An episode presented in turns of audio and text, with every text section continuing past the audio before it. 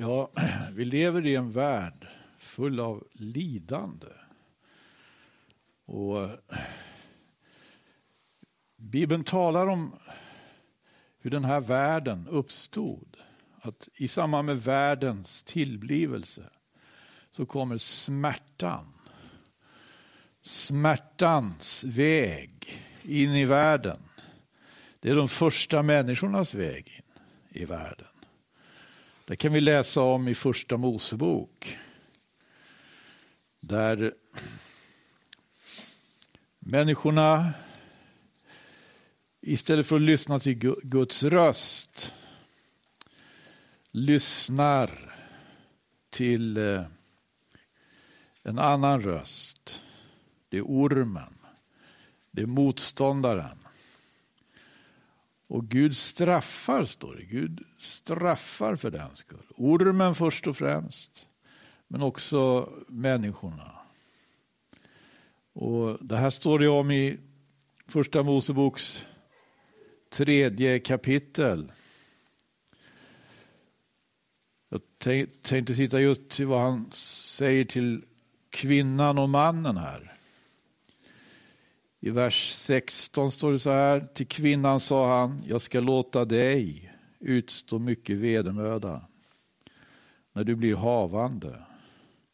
Med smärta ska du föda dina barn. Men till din man ska din åtrå vara och han ska råda över dig. Här egentligen så står det två, upprepas ordet föröka. Och Gud säger förökande ska jag föröka ditt barnafödande och din smärta. Förökande ska jag föröka. Det här är intressant av en viss anledning, kanske vi återkommer till det. Och så står det i sjuttonde versen. Till Adam sade han, eftersom du lyssnade till din hustrus ord och åt av det träd om vilket jag hade bjudit dig och sagt, du ska icke äta därav. Därför var det marken förbannad för din skull. Med vedermöda ska du nära dig av den i alla dina livsdagar. Törne och tistel ska den bära åt dig. Men markens örter ska bli din föda. I ditt anletes svett ska du äta ditt bröd. Till dess du vänder åter till jorden, till av den är du tagen. Ty du är stoft och till stoft ska du åter varda. Du är stoft och stoft ska du åter bli. Här är ursprungliga villkor och sedan dess har världen kämpat med de här villkoren försöka komma till rätta med dem på något vis. Och den kampen böljar än. Ser ut ibland som det går. Komma till rätta med saker och ting på något vis. Men de här grundvillkoren ligger på något sätt så fasta att det är svårt att komma ifrån dem. Visst är det det. Det här är också inledningen till de kapitel i Bibeln som beskriver den så kallade forntida världen. Och med tanke på hur så småningom just eh, lidandet kommer att prägla människor, mänskligheten. Och tillsammans med naturligtvis många uttryck för lidandet. Så jag är helt förundrad över alltså att inte finna några sådana uttryck i de här första kapitlen som sedan följer. Det finns knappast eh, en suck. Det finns knappast en tår. Jag, jag undrar vad det beror på. Jag kanske får lämna det också. Men den, den, den enda som verkligen blir bedrövad är ju Gud själv. Det står ingenting om att Adam blev bedrövad. Det står ingenting om att Eva blev bedrövad. Inte ens när Kain dödade Abel så står det att något uttryck för sorg förekom. Eva kommenterar det när hon får ett nytt barn. Men mest betoningen ligger inte på att hon har förlorat utan hon har fått en ersättning. Men Gud blir bedrövad för världens som den kommer att utvecklas. Eh, jag söker efter tårarna, jag söker efter uttryck för sorg. Var finns de första tårarna i Bibeln? Var finns de första? Det kommer, det kommer tårar. Det kommer suckar.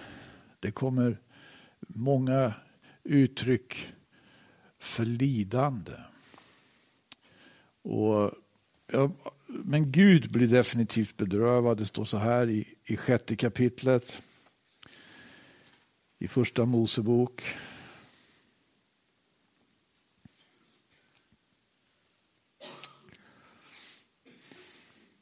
Jag läser från den femte versen. Men när Herren såg att människornas ondska var stor på jorden och att deras hjärtans alla uppsåt och tankar beständigt var allenast onda. Då ångrade Herren att han hade gjort människorna på jorden och han blev bedrövad i sitt hjärta.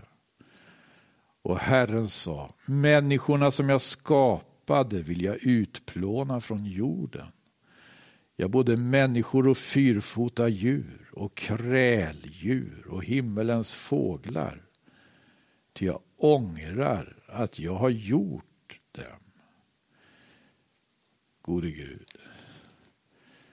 Och därför så kommer ju så att säga ett av de första då verkligt stora omfattande, en av de första stora omfattande domskatastroferna. Den stora floden som det talas om. Som översvämmar hela världen.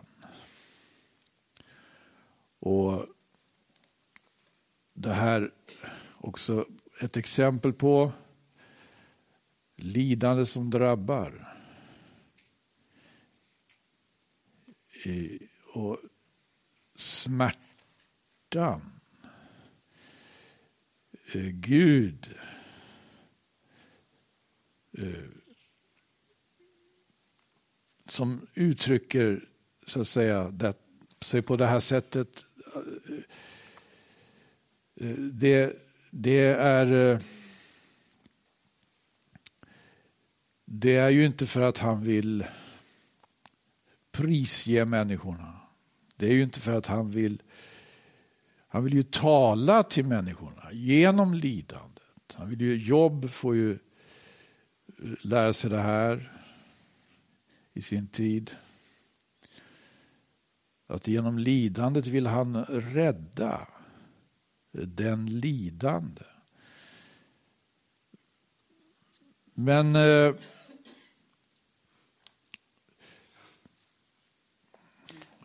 om Gud använder sig av det här lidandet och, och, och, och bedrövelsen för att tala till människorna, då kan man fundera på när, om Gud talar direkt. Då.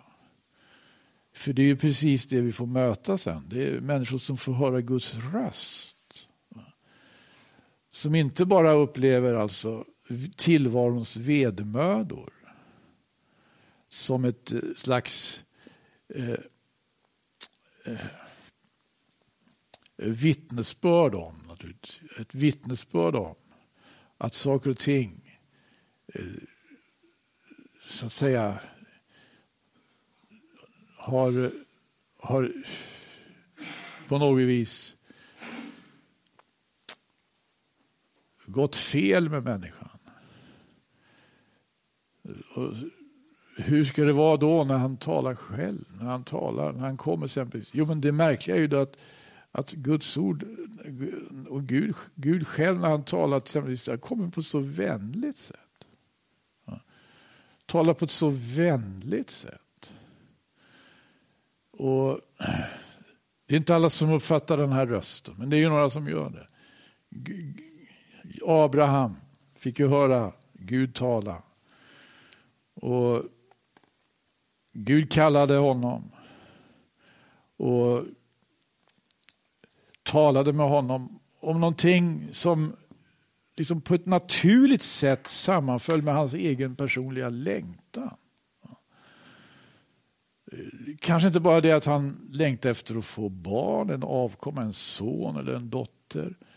Det hade han ju inte därför att hans hustru var o... hon, hon kunde inte föda barn. Men Gud talade med honom om det här, det ville han ge. Gud talade också om att han ville föra honom till ett annat land. Allt det här eh, som Gud talade till Abraham om, det, det kan man verkligen säga, det är mycket, mycket det är goda ord. Det är faktiskt det, det är löften.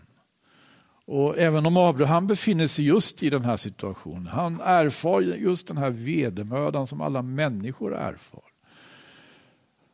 Hans så att säga, familj drabbas av den här, just den här olyckan då. Att han, att han inte kan få, alltså, han kan inte få barn med sin hustru. Och det finns även andra saker som sker. Det sker ju olyckor, det sker krig, det sker ytterligare en stor domskatastrof i Abrahams tid. Då Sodom och Gomorra går under i eldsflammorna. Men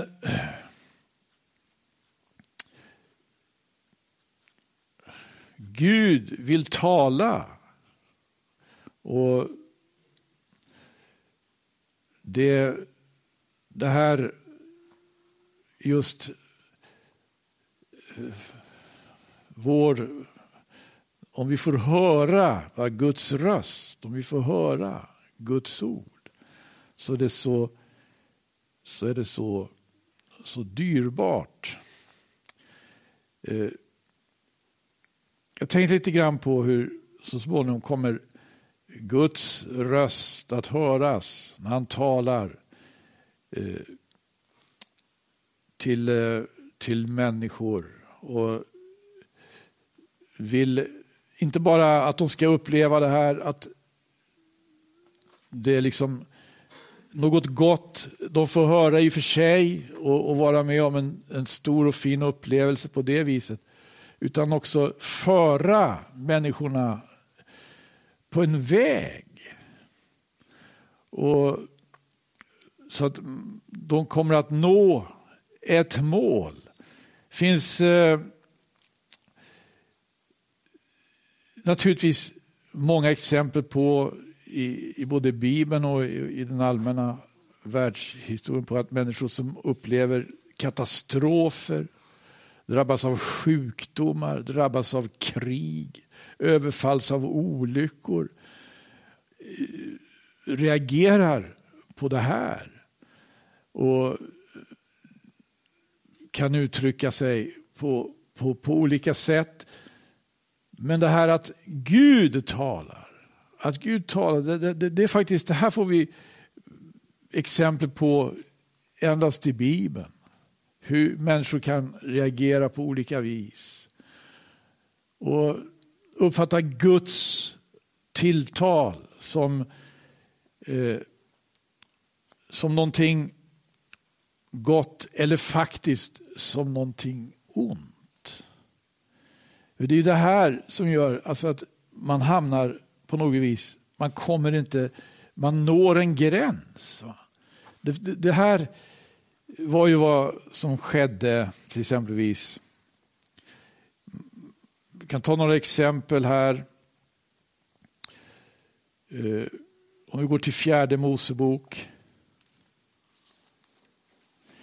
Kapitel 13-14 då, när, Gud, när, när Moses sände spejarna, de hade kommit fram.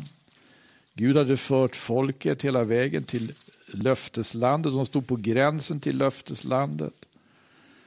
Och och Moses sände tolv spejare och ville att de skulle undersöka hur läget var där. Och De här spejarna kom tillbaka med sina rapporter. Och tio av dem kan man säga svek sitt uppdrag.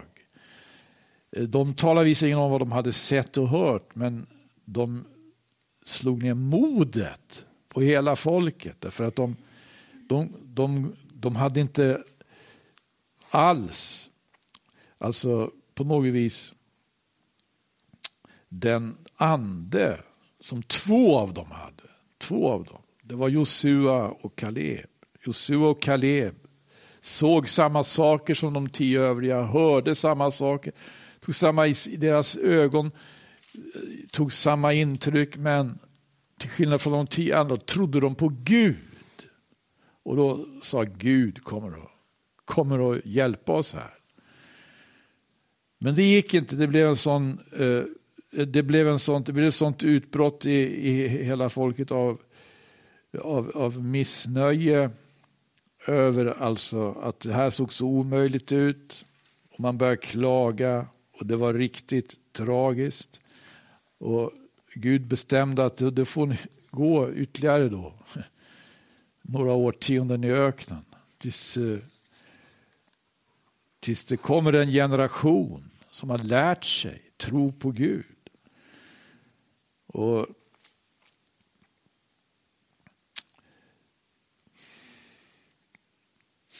Det står så här i fjärde Mosebok 14 kapitel.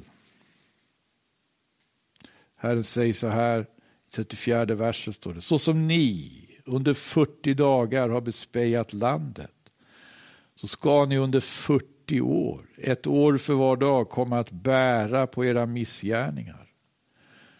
Ni ska då förnimma vad det är, att jag tar min hand ifrån er.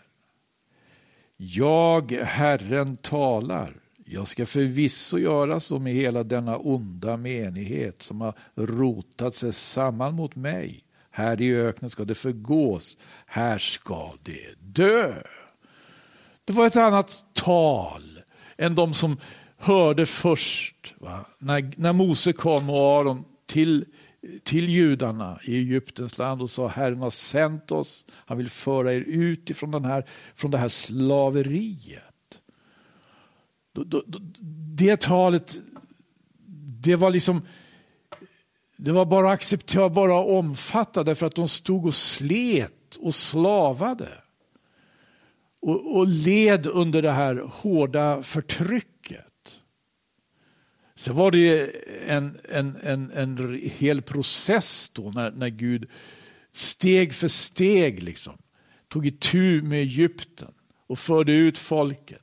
Och Det fanns ju många uttryck också under den resans gång för tvivel och så vidare. Men när det till slut var så att faraos makt föll och folket kunde gå ut. Då visar sig alltså detta goda ord från Gud ha ett väldigt innehåll. Här får Gud tala eh, på ett sätt som inte uppfattas som särskilt gott. Jag, Herren, talar, jag ska förvisso göra så med hela denna onda menighet som har rotat sig samman mot mig. Här i öknen ska det förgås, här ska det dö.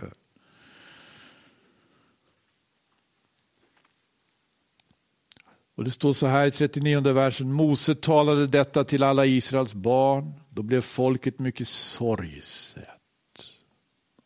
Här blir man ledsen. Inte därför att man direkt har drabbats så mycket av olyckor. Det finns ju mer naturligtvis här. Tragiska händelser. Men därför att Gud talar på det vis han gör. Han måste tala så här strängt. Förut så har han inte talat så strängt. Han har talat med stor makt, men så här strängt? Jo, det har han gjort vid flera tillfällen. Det här är bara ett av tillfällena. Men i alla fall om vi jämför med det första Gud får säga till det här folket. Då det var frågan om att bryta upp från slaveriet. Bryta upp för att, för att, för att komma ut från, från eländet. Mose talar detta. Nu får Mose säga någonting till dem. De kommer inte att komma in i det land som Gud har talat De kommer inte att komma in. I alla fall inte den, den här gången, inte den här generationen. Mose talade detta till alla Israels barn. Då blev folket mycket sorgset. Och det stod upp, hör nu här. Det här var naturligtvis en helt, helt riktig reaktion. Sorgen man har hört det här som Gud säger. Det är faktiskt sanningen. Sanningen som alla gånger inte alls är särskilt kanske lätt att höra. De blev, det blev mycket sorg, men sorgen gick inte så långt. Den gick inte så långt.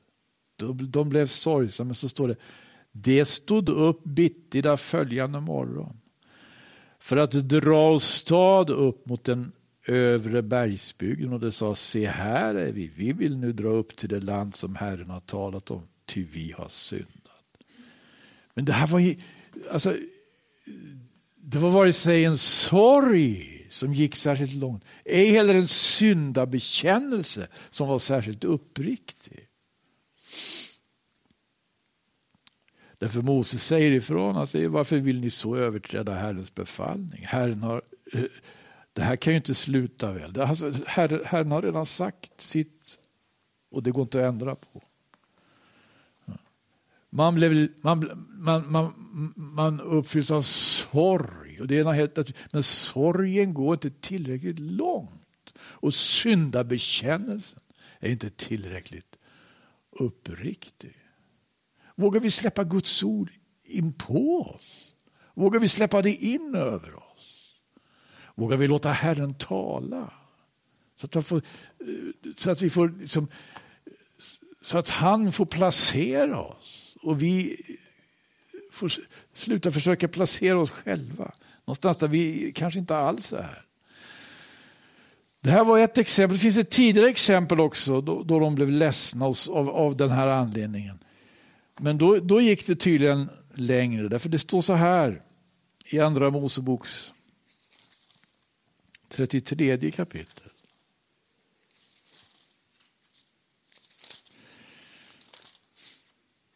Det här är efter det här med den gyllene kalven.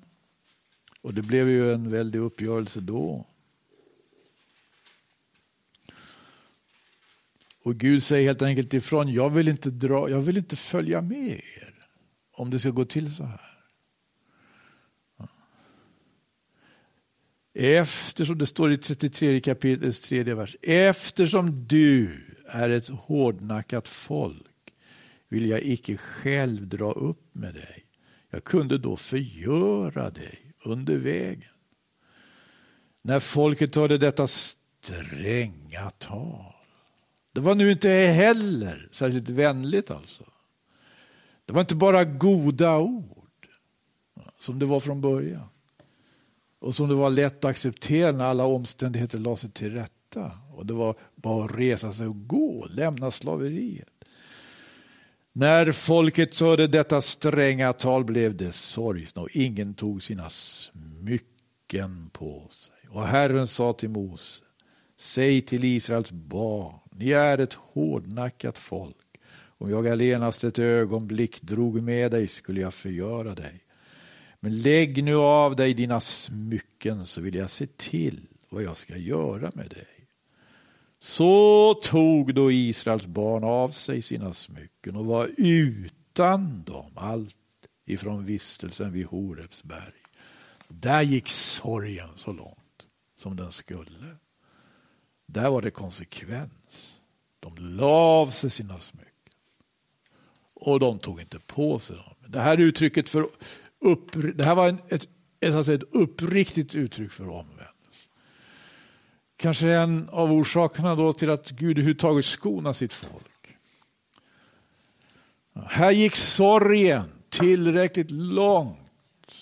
Här var omvändelsen tillräckligt uppriktig, men det är inte alla gånger så.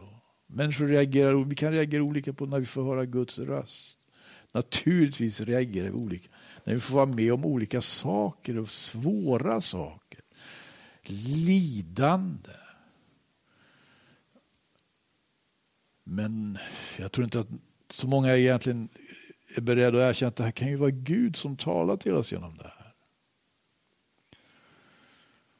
Många gånger försöker man lösa, hitta lösningar. Börja organisera sig, arbeta politiskt, ta till alla möjliga åtgärder. Människor kan komma ganska långt när man enar sig och samlar sig på olika uppgifter.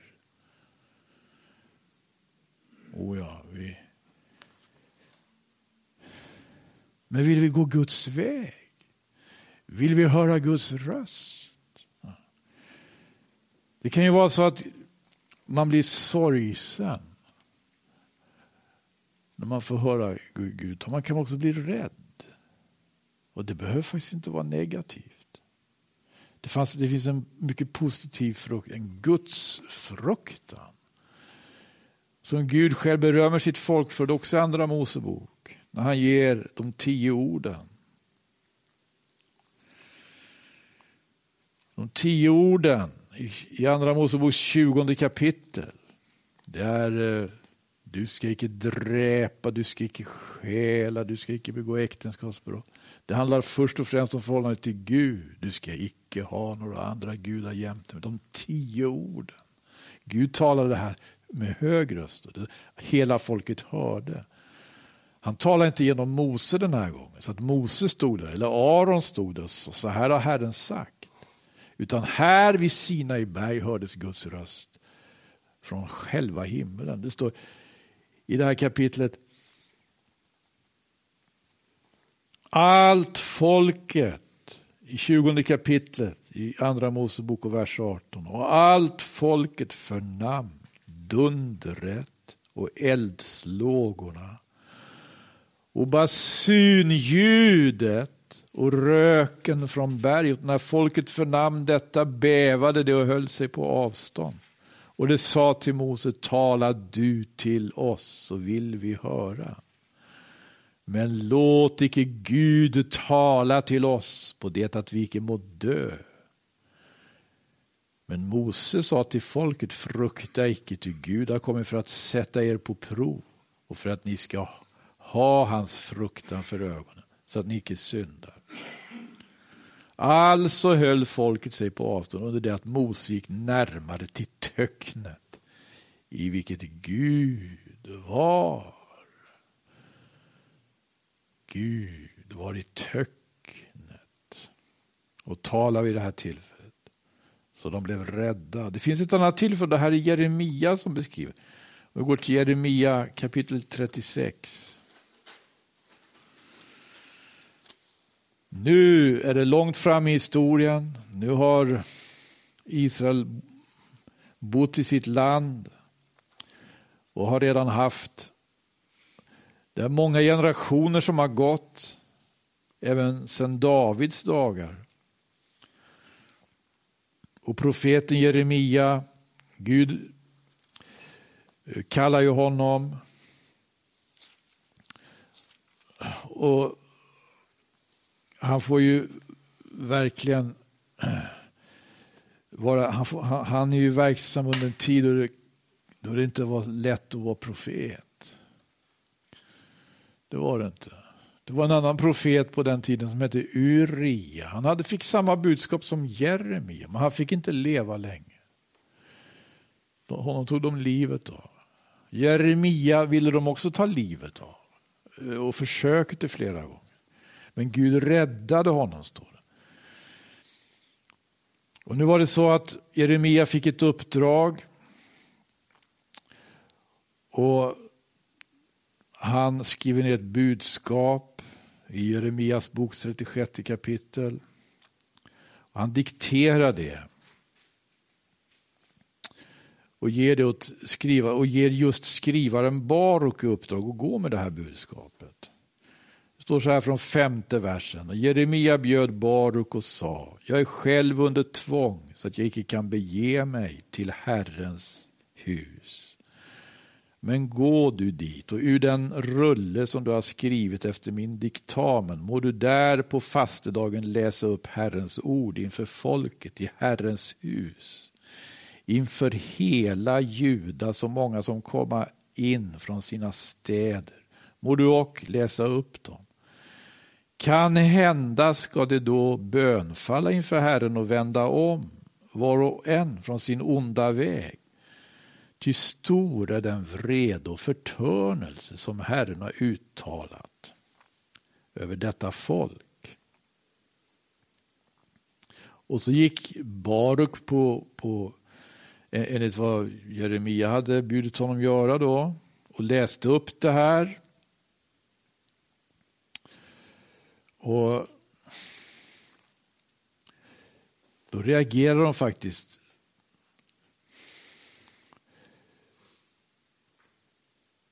som det står här.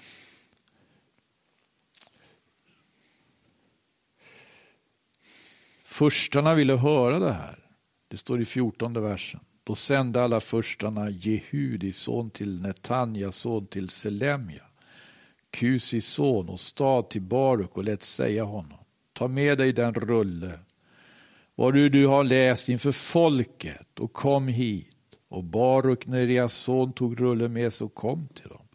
Då sade till honom, sätt dig ned och läs den inför oss. Och Baruk läste inför dem.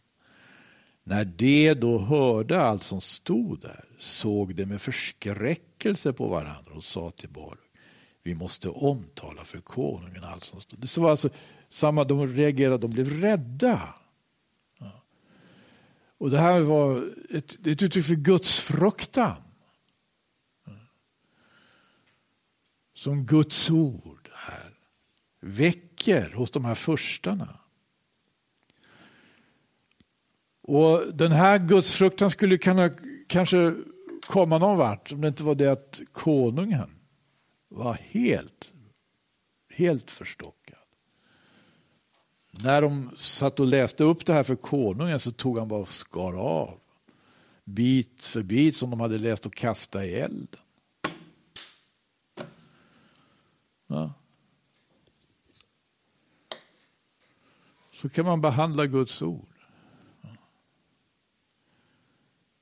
Det, det finns kanske ännu andra och ännu mer talande exempel i inte så avlägsen tid. Guds fruktan väcktes, sorg väcktes, men den gick inte tillräckligt långt i fjärde Mosebok. Guds fruktan väcktes. Men den gick inte tillräckligt långt i Jeremias 36 kapitel, därför konungen var så förhärdad och demonstrerade på ett sånt sätt sitt förakt att Guds ord kom, kom inte så långt den här gången heller. Här, här, är, här är just profeternas klagan. Profeten Hosea. I profeten Hosea, vad säger han?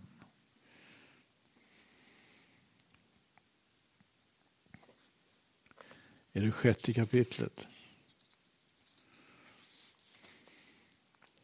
Vad ska jag ta mig till med dig, Efraim? Vad ska jag ta mig till med dig, Juda? Er kärlek. Tänk, det kan också väckas kärlek. Kärleken kan vara. Inte bara sorg, inte bara fruktan, Guds fruktan som verkligen är positiv och hälsosam, men kärlek. När kärleken vaknar. Men här, här var det också det, den vaknade men den, den växte inte. Vad ska jag ta mig till med dig Juda? Er kärlek är ju lik morgonskyn, lik daggen som tidigt försvinner.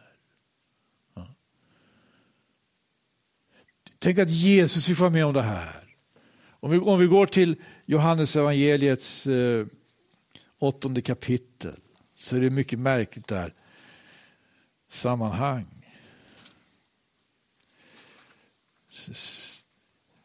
Jesus undervisar ju och det är verkligen den, det är en ganska hård eh, konfrontation där och diskussion med judarna. Med de skriftlärde.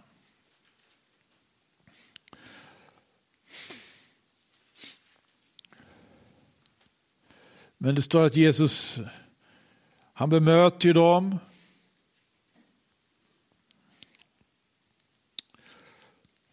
Och han säger bland annat så här i vers 29 då. Han som har sänt mig är med mig. Han har icke lämnat mig ensam eftersom jag alltid gör vad honom behagar. Då står det så här i 30 versen. När han talade detta kom många till tro på honom. Här stod han ibland sina landsmän och, och, och de kom till tro, står det. De kom till tro. När han talade detta. Han hade sagt i vers 28, ska ta med också, i vers 28. Då sa Jesus, när ni har upphöjt Människosonen, då ska ni förstå att jag är den jag är. Och att jag icke gör något av mig själv, utan talar detta så som Fadern har lärt mig. och han som har sänt mig är med mig. Han har icke lämnat mig alena eftersom jag alltid gör vad honom behagar. När han talade detta kom många till tro på honom. Då sa Jesus, hör här, till de judar som hade satt tro till honom. Om ni förbliver i mitt ord så är ni sanningen, mina lärjungar. Och ni ska då förstå sanningen och sanningen ska göra er fria. Det svarar honom, vi är Abrahams säd och har aldrig varit trälar under någon. Hur kan du då säga att ni ska bli fria? Jesus svarade dem, sannerligen, sannerligen säger jag er, var och en som gör synd, han är syndens träl. Men trälen får icke förbliva i huset för alltid. Sonen får förbliva därför. Och det här visar sig, de kom till tro, men de kunde inte ta emot det här. Den tro de kom till, den var inte så länge.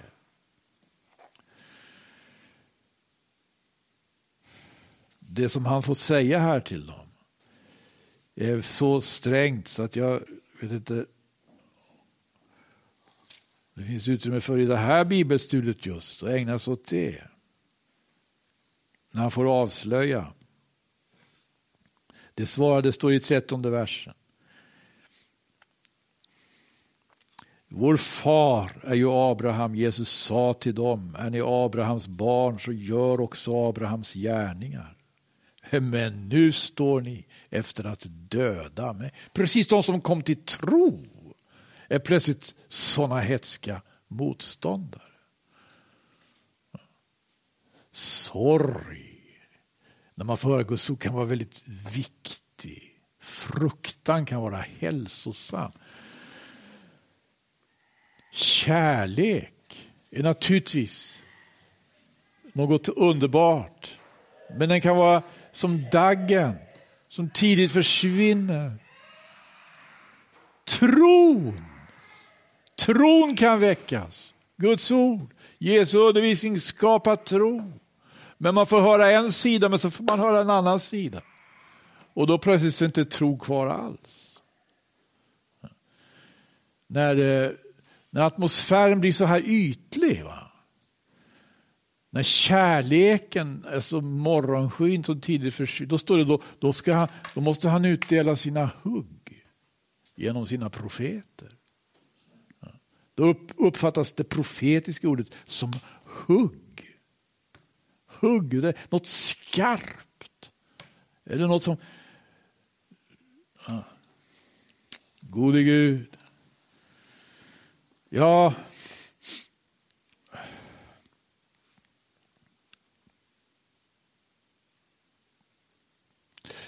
Men Gud vill ju befria från lidande. Han vill befria från sorg.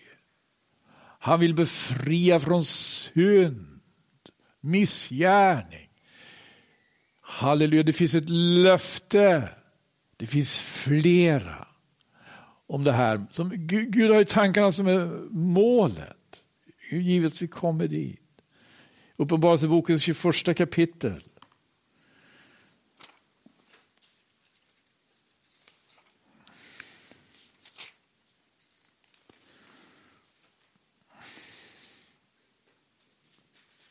Där det står om det nya Jerusalem. Den heliga staden, ett nytt Jerusalem.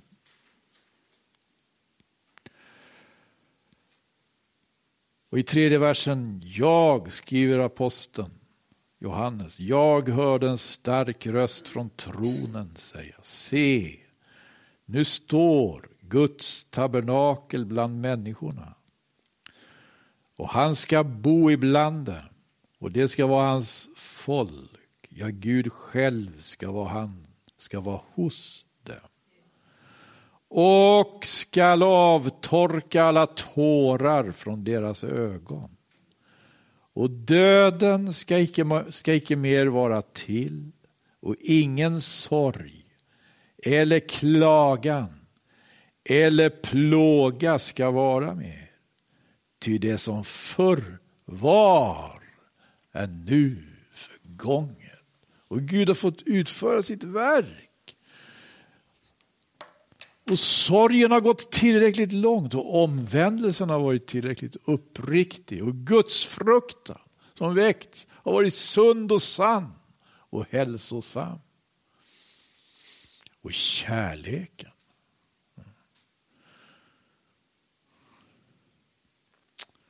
Störst av allt är den. Och tron inte bara väcks och, slocknar, utan blir fast. Fast. Ja. Tro. Aposteln Petrus skriver om den tro som är som guldet. Ja. Den, den, den här tron att tron får växa. Och det, det finns väl ingen anledning att låta den göra det, hörni, det finns ett sånt här mål.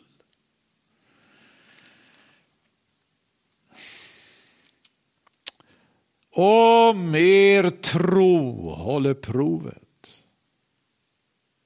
Om er tro håller provet. Det gjorde den alltså inte hos de som fick, visserligen fick möta Jesus men bara tog liksom emot honom eh, i ett visst stycke som han eh, meddelade. När det kom mera, då, då var man inte längre med längre.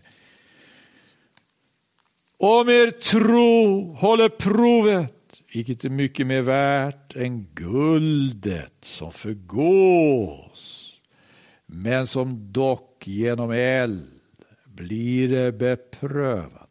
Detta detta må befinnas lända er till pris, härlighet och ära vid Jesu Kristi uppenbarelse.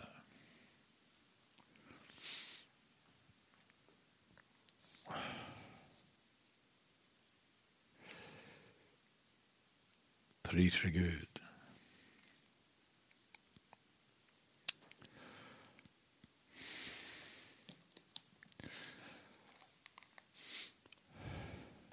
Ska vi inte stänga för honom på något vis, utan öppna alla våra dörrar, hela vårt väsen och låta honom utföra sitt verk. Det är för hans skull som det finns ett löfte som gäller även för oss om det tillkommande utan sjukdom, utan sorg, utan smärta, utan synd. Smärtan följde människorna in i världen. När människorna... Men så... Så kommer den som tar på sig det här. Det står han tar på sig. Så går han en helt annan väg än många andra. Han går, han går den här vägen som beskrivs i Jesaja kapitel 23, 53. Ursäkta.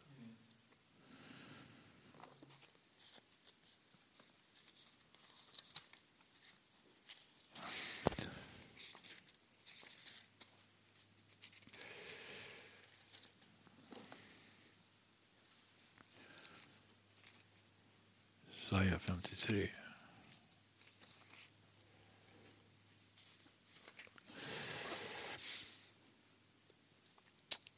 I fjärde versen står det så här. Men det var våra krankheter han bar. Våra smärtor, de lade han på sig. Medan vi höll honom för att vara hemsökt, tuktad av Gud och pinad. Det var alltså så det såg ut. Den här mannen är ju... Han, han, han är ju helt övergiven av Gud. Han har ju, det är säkert något hemskt han har gjort, att det har blivit så. Men det var våra krankheter han bar. Våra smärtor, de la han på sig. Gode Gud, ska vi stilla oss inför det här hörni? Och tala med Herren. Be att han får leda oss vidare här. Bedja för sammankomsterna vi har. I Jesu namn. Halleluja, Herre Jesus, vi prisar dig, vi tackar dig, Herre. Tack för ordet, halleluja. Åh, Herre, att det får gå hela vägen med oss och vi hela vägen med det. Då det nu finns ett så stort, ett så, ett så ofattbart härligt mål. Halleluja! Då, då ser vi med stor tacksamhet på det verk du har fullbordat. Halleluja, våra krankheter, våra sjukdomar tog du, våra smärtor. Ja, du bar, Herre, gode Gud hela världens synd. Gud, vi tackar dig. Vi ber dig för människor i tiden som är drabbade här av lidande, av frukt. Man blir, man blir rädd, man blir ledsen. Men hur många uppfattar att det kanske är Gud som talar genom det här? Och om inte, om inte, om inte genom sådana saker då, så genom Guds eget ord som vi får läsa här, gode Gud. Men Herre, det måste vi få finna vägen. Hjälp Gud i himlen att du gör det, Herre. Finner vägen till den som behöver, finner vägen. Gud. Hjälp Gud i Jesu namn att människor får tag i det. Att kärleken väcks och att den inte bara är som morgonskyn som tidigt försvinner. Att tro, hopp och kärlek får utrymme i landet igen. Herre, vi ropar till dig. Vi tackar dig för alla som är så sinnade. Amen. Alla de som vandrar efter detta rättesnöre, skriver aposteln, över dem var det nåd och barmhärtighet, ja, över Guds Israel. Amen.